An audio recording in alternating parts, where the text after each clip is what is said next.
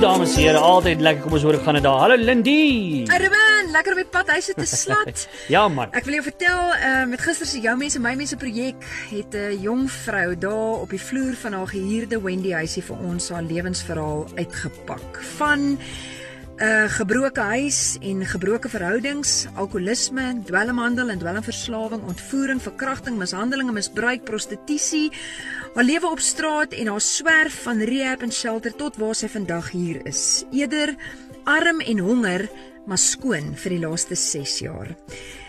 Ek luister na en ek besef net eh, dis nie net een ding wat gemaak het dat dinge verkeerd geloop het nie, maar op 'n manier het hierdie dinge een vir een haar lewe in die verkeerde rigting momentum gegee tot waar sy nou is en en mense dalk sou wou sê ja, nee, dis jou bed wat jy gemaak het, suster, slaap in hom. Ek kan jou vertel van haar bed, want ek het gister langs haar op die grond gesit op geleende beddegoed wat iemand toe gistermiddag ook kom haal het. My vraag aan myself, Ruben, soos ek al wegry gister is: as 'n sameloop van slegte omstandighede, saam met slegte keuses en besluite en slegte invloede jou in so 'n downward spiral kon meesleer, amper soos 'n sneeubal wat spoed vang teen die berg af en niemand kan dit meer keer nie. As dit so om kan werk met negatiewe dinge wat die een na die ander op mekaar bou, hoekom kan die teenoorgestelde nie ook waar wees nie? Dat die wiel wat draai ook ander kant toe kan draai. Dat dat mense dalk op 'n dag kan begin met 'n sameloop van goeie dinge wat in 'n goeie rigting ook die een na die ander op mekaar bou.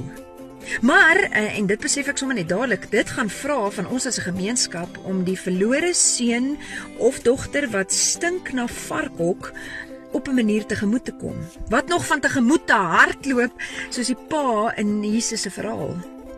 Ek lees net weer vanoggend oor God se geduld met sondaars omdat hy met 'n wagtende hart wil sien dat mense tot inkeer kom en ek ek besluit net weer ek wil deel wees van daai draaipunte terug na God toe waar ek iemand aan die skouers kan vat om hulle te help om hulle lewe om te draai en hulle gesig weer na die lig toe te draai.